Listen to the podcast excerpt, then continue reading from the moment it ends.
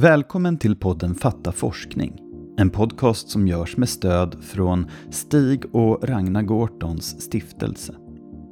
I den här podden vill vi att du som lyssnar ska få en inblick i den forskning som drivs inom hälsa och vård i Region Skåne nordväst. Hur hänger exempelvis karpaltunnelsyndrom ihop med diabetes? Hur kommer vi att behandla ett hjärtstopp i framtiden? Varför ökar njursten så mycket i Sverige? Och hur behandlar vi blodförgiftning på IVA? Vi hoppas att du vill framtidsspana tillsammans med oss om vart vår forskning tar oss inom 10 eller 20 eller kanske till och med 100 år. Och förhoppningsvis lära dig mer om hur forskning faktiskt går till och hur den kan användas för att förbättra världen. Jag som pratar heter Matti Palm och idag ska vi tala om hysterektomi, att operera bort sin livmoder.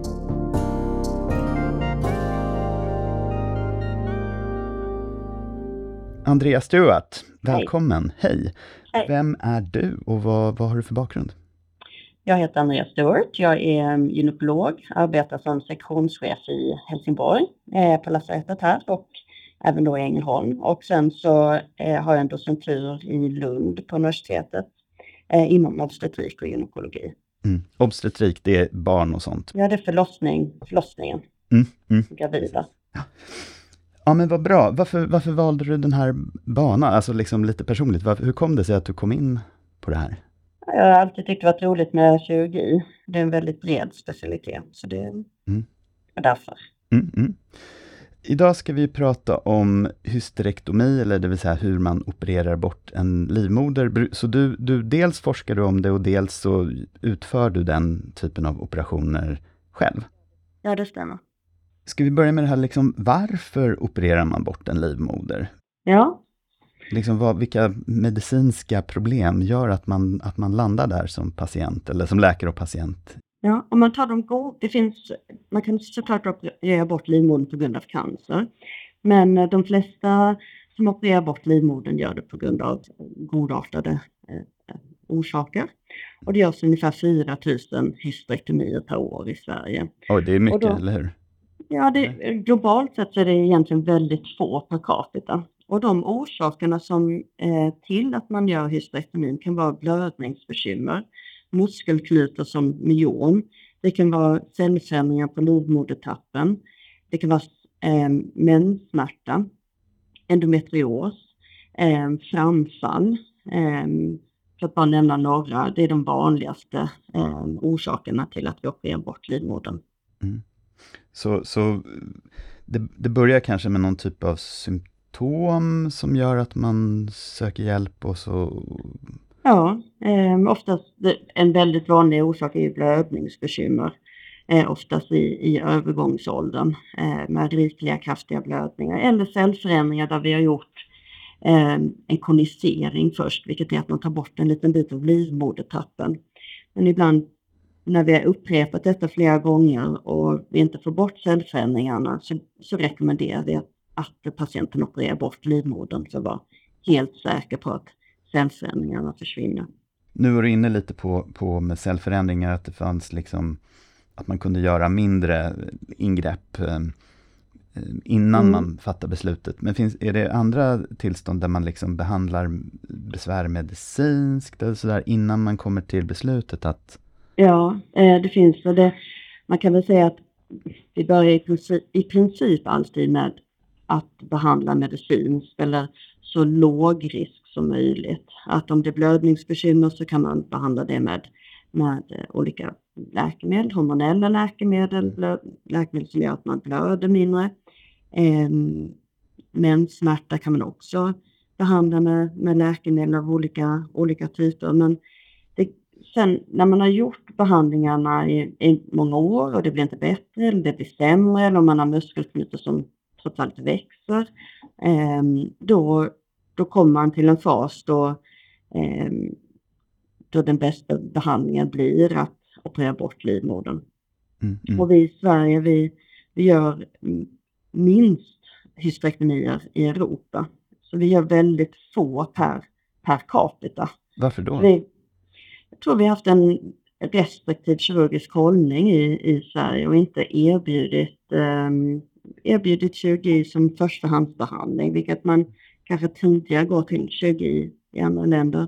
Och sen tror jag tyvärr också att det varit eh, en följd av dålig operationstillgänglighet. Att vi har, mm. även om patienten egentligen skulle gagnas av en operation, så har vi haft väldigt långa köer för operation. För operation. Mm. Och då har inte patienten erbjudit rätt behandling. Mm. Patienterna kanske har, har fått vänta i två år för operation Oj. och då är, är hon 49 år så vet man att hon med stor sannolikhet hamnar i klimakteriet mm. innan hon erbjuds operation. Ehm, och då har hon inte erbjudits operation. Mm. Nu har det blivit något bättre med operationstillgängligheten så vi får väl hoppas att fler patienter kan få hjälp som de borde få. Mm, mm. Vi ska pr prata mer senare när vi går in på din forskning och så, om mm. exakt hur man gör de här operationerna och så. Men jag tänkte ja. bara så här, vad är det man tar bort? Liksom, ja. Vilka delar eh, av, av, av eh, eh, kroppen av, av, kroppen. Så att, eh, det finns olika sätt man kan operera bort livmodern, jag kan gå in på det. Och eh, så man tar bort själva livmodern och livmodertappen, det, det är standard, det, det, det är hysterektomi. Eh, sen så kan man också ta bort i samma operation, samma seans, eh, äggstockar och äggledare. Äggstockarna, det är de som producerar östrogen som gör att, att eh, man har som sin hormonella produktion. Så att hos en eh, kvinna, en ung kvinna så vill, vill man helst inte ta bort äggstockarna just för att de, de behöver sitt östrogen. Mm. Då måste man äta medicin liksom? Precis, så att, eh, men om man är, redan är i klimakteriet så brukar de flesta kvinnorna önska att man tar bort de, äggstockarna samtidigt. För att de fyller ingen funktion då längre. Mm. Så det är tre nivåer, liksom, ta bort livmodern, livmodertrappen och sen så ta bort äggledarna också och sen ta bort äggstockarna också. Är det så? Jag kan säga, ja, det är egentligen inte tre nivåer utan livmoder, livmoder och livmodertappen, den, de opereras ut som en klump kan man ja. säga. De mm. sitter ihop. Eh, äggstockarna och äggledarna kan man välja att lämna eller spara. Eh, äggledarna, efter det att man, om man opererar bort livmodern, så fyller inte, även hos en ung kvinna, så fyller inte eh, äggledaren någon funktion längre. Och det finns en hel del studier som visar på att man troligen minska risken för äggstockscancer om man tar bort äggledarna, även om man lämnar äggstockarna. Så det har blivit mer och mer vanligt att i samband med att man opererar bort livmodern så tar man också alltid äggledarna men lämnar äggstockarna hos en ung kvinna. Man kan säga att studierna är, är inte hundraprocentiga att det är så här och det pågår även eh, sådana här randomiserade studier eh, där man lottar patienter mellan behålla och inte behålla äggledarna. Men eh, preliminärdata säger verkligen att, att eh, det är skyddande att ta bort äggledarna. Mm, mm, jag förstår. Så att, men att, att ta bort äggstockarna i samband med en hysterektomi, är det oftast för att man gör det på grund av att man har cancer? Så att man inte och, vill att det ska spridas, eller gör man det liksom? Man kan säga att man eh, Antingen gör man det att om patienten har en samtidigt stor cysta eller så. Annars görs det hos en kvinna som inte menstruerar längre så, så är det mer ett val att patienten, om man opererar bort livmodern för muskelknutar eller framfall eller eh, cellförändringar så erbjuder man patienten eller frågar om hon önskar att vi lämnar eller tar bort äggstockarna samtidigt. Så det är mer en profylaktisk åtgärd. Mm, okay. Att eh, när vi ändå är där och opererar så har vi möjligheten att ta bort dem. Och vissa patienter känner nej, ta bara bort det som absolut är nödvändigt. Mm. Och vissa känner nej, eh, ta bort allt. Eh, det, och det finns inget rätt eller fel, men man får en dialog med patienten hur, hur just hon känner i, i det fallet. Mm, jag förstår. Och om, nu, nu kommer vi in lite på det här med liksom hur, hur man känner och så, men om vi bara pratar om, om eh, livmodern nu, liksom, ja. vi lämnar äggstockarna. Är det något, hur påverkar operationen liksom patientens både fysiska och liksom psykiska, eller vad som är känslomässiga välbefinnande? att man tar bort Ja, livmodern? Vad, vad får det för effekter? Liksom? livmodern som har ju ingen hormonell produktion så att eh, om man tar bort den så, ehm, så påverkar det inte hormonellt. Sen psykiskt välmående eller icke välmående, det är så beroende av många faktorer. Har man väldigt mycket bekymmer med blödningar och lågt blodvärde så mår man ju såklart bättre psykiskt när man opererat bort livmodern. Men får man en komplikation till följd av operationen så mår man ju sämre. Så det, det, går, inte, det går inte att uttala sig om, om det psykiska välmåendet förutom att livmodern har ingen man känner ingenting med sin livmoder eh, och den producerar inga hormoner. Däremot när vi opererar bort livmodern så kvinnor som har gjort det kommer i klimakteriet, även om vi lämnar äggstockarna, kommer i klimakteriet cirka ett år tidigare. Och det är nog för att blodförsörjningen till äggstockarna blir något påverkad eh, i samband med operationen. Vi pratade också då om de olika typerna av, ehm, eller vi nämnde snabbt vad det finns för typer av eh, hysterektomi, hur man Mm. kan utföra operationen. Mm. Ska vi gå in på det? Det, det gör vi. Ja, Mm. det gör vi. Man kan säga traditionellt sett så har, har man gjort ett stort buksnitt. Att man har öppnat upp eh, livmodern eller buken antingen med bikinisnitt eller i medellinjen och opererat bort livmodern. Vad vad- vad det där andra, alltså att man... Eh, så att man de- går från naveln ner till blygdbenet som ett, Ja. ehm, som ett, ehm, ett vertikalt snitt istället för ett horisontellt snitt. Ehm, och, och det är förenat med mycket mer komplikationer, smärta, Mm. infektioner, blodpropp, sena komplikationer som tarm, tarmvred. Och sen så började man även göra eh, hysterektomier helt via slidan. Att man opererar bort livmodern via slidan utan att öppna buk, buken, bukväggen. Eh, och då krävs det egentligen, om man inte är väldigt, väldigt skicklig, att livmodern är hyfsat liten. Det kan inte finnas sammanväxningar. Det, det kan vara svårt om, om det är trångt i slidan, så det finns lite faktorer. Mm. Det är lite som så som man kan tänka sig att det är svårt att se. Liksom, Det är svårt att se, det kan man- vara svårt att komma åt. Mm. Och sen finns det då eh, titthålsoperation, antingen då med hjälp av robot eller ehm, bara vanlig titthålsoperation. Som är att man med hjälp av en kamera genom buken och eh, instrument eh, eh, opererar bort livmodern. Mm. Och robot är helt enkelt att man styr små... ja, men då använder man samma instrument Mm. eh, genom bukväggen men, men operatören, alltså kirurgen, opererar en, via en konsol istället för att rent mekaniskt röra ehm, eh, händerna. Och robothysterektomi är den vanligaste ehm, metoden som används i Sverige idag. Det finns egentligen väldigt lite data på att det är bättre än vanlig titthålsoperation. Eh, och all data tyder på att om man ska göra en hysterektomi så är den snabbaste, minst komplikationer, snabbast tid till återhämtning och billigast är att gå fullständigt vaginalt. Ehm, och då finns ju den här nya operationsmetoden som vi i Helsingborg Ängelholm opererar med och som även andra kollegor i landet har börjat operera med. Att man utför hela operationen via slidan så att patienten, man går inte igenom bukväggen, men man lägger till att, en titt, att man kan utföra titthålskirurgin via slidan istället för via bukväggen. Hur då? då Jag förstår man- inte riktigt. Jag ser inte Mm. framför mig.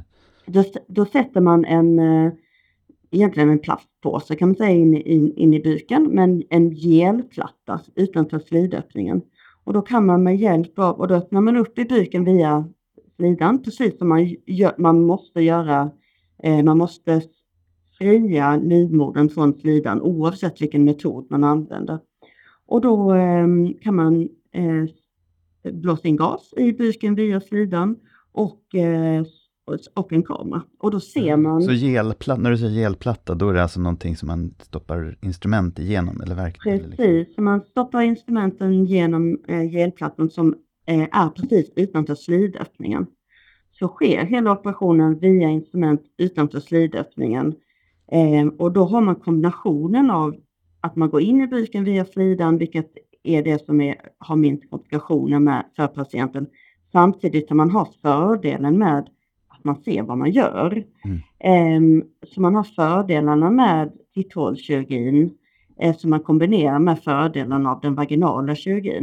Mm. Behöver man sövas eller liksom är det man någon skillnad? Man behöver alltid sövas, det är samma för alla. Um, I princip, man kan, ja, man, en väldigt liten uh, vaginal hysterektomi kan man göra i ryggbedövning. Men alla titthålsoperationer blåser vi upp gas i buken och det kan man ska vara väldigt, väldigt motiverad som patient för att eh, acceptera det obehaget. Så att i mm. princip så kan man säga att alla sövs. Mm, mm. Och eh, fördelen med den här nya metoden är att vi kan utföra hysterektomier via slidan på patienter som vi tidigare hade haft svårigheter att göra detta på. Till exempel de som har sammanväxningar. För nu kan vi se det med hjälp av titthålskomponenten. Väldigt stora livmödrar. Eh, och beror det på att man kan ha, att man, att man kanske har alltså någon cancer eller så som gör att de blir större eller? Jag tror att det är cancer, då opereras de på cancercenter, men man kan mm. ha godartade muskelknutor mm. eh, som gör att livmodern kan väga 1, 2, 3 kilo. Och vi har okay. opererat mm. bort livmödrar via sidan upp mot 3 kilo. Och i vanliga fall väger den? Ja, alltifrån, och är, är det en kvinna som inte menstruerar längre kanske den väger 50 gram. Hos en kvinna som är fertil och menstruerar, säg 200 gram. Mm. Om 200-250 om den är normal, eh, om den inte har någon sjukdom. Mm. Men muskelknutarna kan bli väldigt, väldigt stora. Och, um, Ett ägg väger 60 gram om man ska ja, komma ja, ihåg. Precis. ja, men, ska tänka. För att, ja. Eh, en äldre kvinna har som ett litet ägg eh, mm. på 60 gram mm. och eh, en fertil kvinna har, eh, ja, som en apelsin. Ja.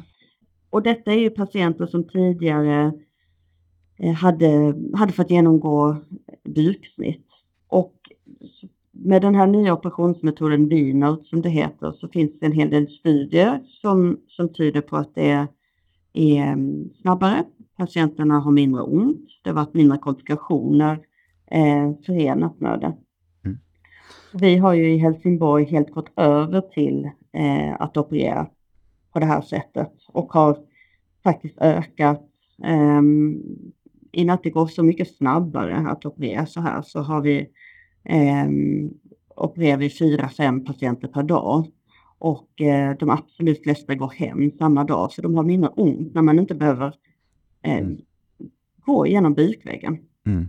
Gör det, alltså hur är det som, som patient, man kanske undrar, gör, gör det ont? Liksom? Har man ont efteråt eller hur vanligt? Ja, man kan säga att smärta är också väldigt individuellt, men eh, efter operationen så går de hem med Panodil och Ipren. Så att eh, de, de behöver inga morfinpreparat efter operationen. Ja, jag fattar. Jag kan ju tänka mig att man vill ju inte skära i genom magen i onödan, eller liksom utifrån ja. och in. Liksom. Men hur, hur, resonerar du med patienterna inför den här typen av operationer? Har de några fördomar eller finns det liksom? Nej, det, nej, det tycker jag egentligen inte, utan de, de, de flesta patienterna, liksom doktorn, vill ju eh, välja en operationsmetod för just den patienten som innebär mest nytta och minst risk och minst komplikationer. Eh, men det vi vill alltid undvika är ju att, att behöva öppna buken med ett traditionellt buksnitt. Och eh. varför bara, jag kan ju förstå ungefär, jag kan ju gissa varför, men var, var, vad, vad är det som mm. är problemet med att göra det? Dels är det eh, förenat med ökade komplikationer som smärta, eh, blödning, infektion, blodpropp, tarmvred, brock. Ja, mm. så det, man kan säga att, att öppna buken är exit plan. Mm lyckas man inte göra det, det vi kallar för minimalinvasivt, eh, ja då, då, har vi den, det alternativet. Just det, just det. det är lite som ett kejsarsnitt, att, att det bästa är för de absolut flesta en vaginal förlossning, men vi har en exit plan eh, genom att öppna buken om, om vi måste. Fungerar den här metoden för alla? Nej, det gör den inte. Det finns eh, kontraindikationer. Eh, de som är tidigare opererade i eh, rektum, alltså ändtarmen, de som har eh, endometrios mellan vagina och rektum, de som haft en kraftig infektion i, eh, med, med varböldsbildning i lilla bäckenet, de som är strålade i, i eh, vaginalt eller till bäckenet. Eh, I de situationer där vi inte bedömer att det är säkert att ta oss in i buken eh, via slidan. Så vi tar oss in precis mellan slidan och ändtarmen. Och i det sammanlöp så finns det risk att, att eh, det blir skada på ändtarmen. Så i de fallen väljer vi en titthålsoperation. Mm. Eh, så det är de situationer där det inte är lämpligt. Sen finns det situationer där det kan vara svår, svårare om patienten inte har fött barn vaginalt eller eh, är smittad väldigt många gånger tidigare. Men det går absolut att, att göra den operationen eh, på de patienterna. Mm, jag förstår. Eh, jo, jag tänkte också fråga eh, en grej. Det är ju att det har skrivits en del i medierna om att vissa kvinnor i en region i Sverige har opererat bort livmodern fast de kanske inte hade behövt det. Mm. Eh, som kvinna, är det något man ska vara orolig för, att man opererar bort den i onödan? Eller att det liksom, ja. om man är orolig, vad ska man tänka på? Hur ska man liksom bli trygg i att man har valt att man gör rätt? Liksom? Ja. Jag tror för de absolut flesta patienterna i Sverige så är det snarare tvärtom. Att det är såklart olyckligt om, om det är några som har opererats, genomgått en operation som var onödig. Men för de absolut flesta så har de väntat väldigt länge på operation. De har gått och lidit länge, de har haft besvär, de har, man har testat med olika läkemedel som inte har funkat, de har kanske stått i operationskö länge, kanske åkt in på sjukhuset och fått, fått blod för att de har så mycket blödningsbekymmer. Mm. Och eh, vi i Sverige, vi, som jag sa tidigare, vi gör minst hysterektomier i Europa. Så vi är väldigt, väldigt restriktiva på som, som kollegium att erbjuda hysterektomi. Mm. Så de absolut flesta kvinnorna som genomgår hysterektomi har väldigt mycket besvär där man bedömer att detta är det som hjälper den patienten på bästa sätt. Så jag tror, ehm, jag tror det är ett mycket, mycket större besvär eller eh, problem på populationsnivå i Sverige att eh, patienterna faktiskt inte erbjuds den hjälpen med hysterektomi eh, som de borde erbjudas. Sen är det såklart olyckligt om det finns några som har opererats i onödan. Jag kan inte uttala mig om, jag kan ju inte läsa deras journaler. Nej, men jag tänkte just som mm. patient, hur ska jag liksom känna mig? Jag tror att de kan känna sig helt trygga med den bedömningen som, som eh, så är det ju alltid en dialog. Eh, mm. Vad brukar patienterna ha, ha, ha, för frågor? Jag kan tänka mig så här, är det så här sexliv? Är det liksom att, att man blir mm. förändrad på något sätt? På något ja, men det är många sätt? som undrar om det kan påverka eh, samlivet. Ja. Och det, det, gör det inte. De, de första fyra, sex veckorna efter, eh, efter operationen så, ska, så bör man inte ha samlag eller föra upp någonting i slidan som tampong. Mm. Så att eh, stygnen i slidan kan läka. Men det påverkar inte mm, sexuell lust eller förmåga till orgasm eller någonting annat utan eh, en sexuella eh, som njutning är densamma. Eh, lyfta tungt brukar vi också eh, uppmana att man inte gör de, de första sex veckorna eh, så att inte stygnen går upp. Och sen efter det så kan man, kan man leva som vanligt. Mm, mm. Men okej, okay. din forskning då. Eh, mm. Låt oss snacka lite mer i detalj om det, ja. eh, som vi har nu eh, lockat lyssnaren med framåt. du tittar på, eller ni tittar på, eh, liksom de här olika typerna av metoder. Eh, kan du berätta? Mm. Men det vi önskar göra är att jämföra de olika eh, minimalinvasiva metoderna, det vill säga de metoder som, som innebär, inte innebär buksnitt. Så det är en um, multicenter internationell studie där vi är uh, ja, 15 center som är med. Där vi, um, uh, när vi träffar patienten så, så om vi bedömer att det går att göra operationen vaginalt, för det är det som är, är det bästa, så kommer patienten erbjudas att lottas mellan en traditionell vaginal hysterektomi eller en binodshystektomi. Så det är två olika vaginala varianter varav den ena Eh, är med hjälp av titthål. Om man som doktor bedömer att nej, i den, hos den här patienten så är det inte säkert att göra en vaginal hysterektomi, det kan jag inte utföra, utan jag skulle välja att göra en titthålsoperation. Då kommer patienten lottas mellan en titthålsoperation eh, för att ta bort livmodern och en binoddshysterektomi. Så att man kan säga att det är en jämförelse mellan vaginal hysterektomi, laparoskopisk hysterektomi och binoddshysterektomi där vi ska titta primärt på hur många patienter mår så pass bra så att de kan gå hem samma dag som operationen. Och det förutsätter ju såklart att inga komplikationer har tillträtt, att de inte har ont, att de kan kissa och att, att de mår bra. Eh, och sen som andra eh, faktorer som vi vill titta på är ju komplikationer, blödningar, återinläggningar, infektioner hos de här patienterna. Mm. Hur långt har ni kommit? Ja, vi är precis i uppstart så att um, vi, eh, det är väldigt mycket administration när man ska starta upp sådana här studier med etikansökningar, hur man kan lagra data, eh, patientinformation. Så vi, eh, de flesta studenter har sina etikansökningar redo och eh, vi är precis i startgroparna kan man säga att börja så ni samlar in eget data, ni använder inte något sån här kvalitetssystem eller vad Nej. det heter? Så de patienterna vi träffar eh, kommer vi fråga om de är intresserade av att vara med i studien och lottas egentligen mellan de kirurgiska metoderna. Mm. Mm. Man blir ju ändå nyfiken, så här, har ni börjat se några resultat som, eller tendenser alltså, till liksom vi har ju verkligen bytt operationsmetod i vår i Helsingborg där vi är en, en av de större, eh, ändå hyfsat stor klinik i Sverige. Vi har ju mm, mycket snabbare operationstider, mindre komplikationer, mindre infektioner. Eh, patienten går hem samma dag och eh, kan utföra fler operationer per år just för att mm. det går så pass mycket snabbare och patienterna mår bra. Vi har eh, i princip att det några återinläggningar efter kirurgin. Så att det är ju väldigt, väldigt positiva såklart till den här metoden och, och eh, vill ju att det ska eh, analyseras. Vi vill att, att det, vi, det vi tror ska bevisas med hjälp av en, en studie eh, där många kollegor kan inkludera patienter och så olika länder för att se, är det så här att, att det är en säker och bra metod. Jag förstår.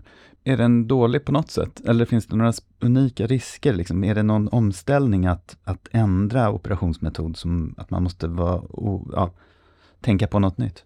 Ja, i Sverige, görs, eh, trots att vaginal hysterektomi är det som gynekologer rekommenderar, det är det som rekommenderas i första hand, ehm, så görs bara 11 procent av, vaginal, av hysterektomi vaginalt. Och traditionellt sett så har kanske 70 procent gjorts vaginalt. Och, och vi är ju vi är ju väldigt bortskämda med laparoskopirobot för det är trevligt att kunna se det vi gör. Titthål. Eh, titthål ja. Så att jag tror att med den metoden Bynodes så kommer vi utföra operationer vaginalt som vi tidigare inte hade gjort vaginalt. Till exempel på de som är tidigare opererade, eh, tidigare kejsarsnittad flera gånger. Och då tror jag på sikt att det kommer bli mer komplikationer i den här gruppen. Eh, för att vi, vi hade inte gjort dem vaginalt tidigare.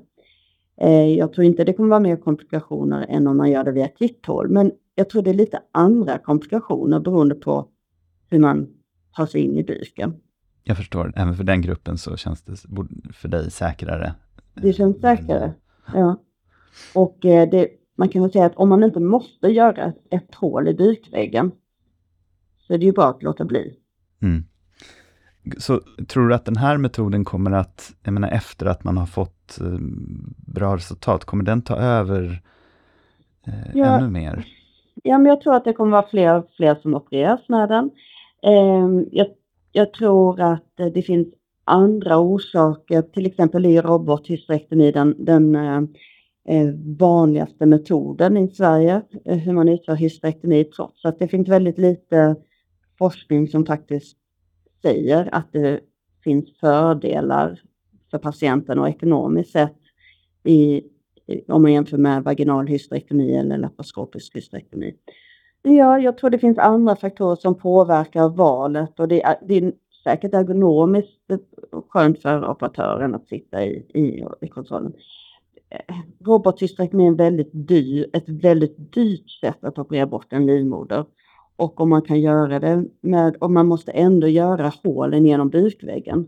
Så att om man kan göra en, om man kan operera bort samma livmoder utan att göra hål i bukväggen, eh, som dessutom är billigare och snabbare, så ser jag egentligen bara fördelar. Men jag tror det finns andra faktorer som, som gör att robotkirurgin är, är väldigt populär. Och långsiktiga skillnader mellan metoder, jag menar när det väl har läkt så har det läkt, eller finns det någonting sånt som, är, som, som, som du är nyfiken på? Ja, jag tror att eh, om man jämför eh, vaginal hysterektomi, vinoddshysterektomi, där man alltså går in i buken fullständigt vaginalt, och jämför med när man går in genom bukväggen, då finns det långsiktigt så har man ju inte komplikationer, bukvägskomplikationer, det vill säga brock, eh, att tarmen kan fastna i hålet i bukväggen och man kan få tarmvred.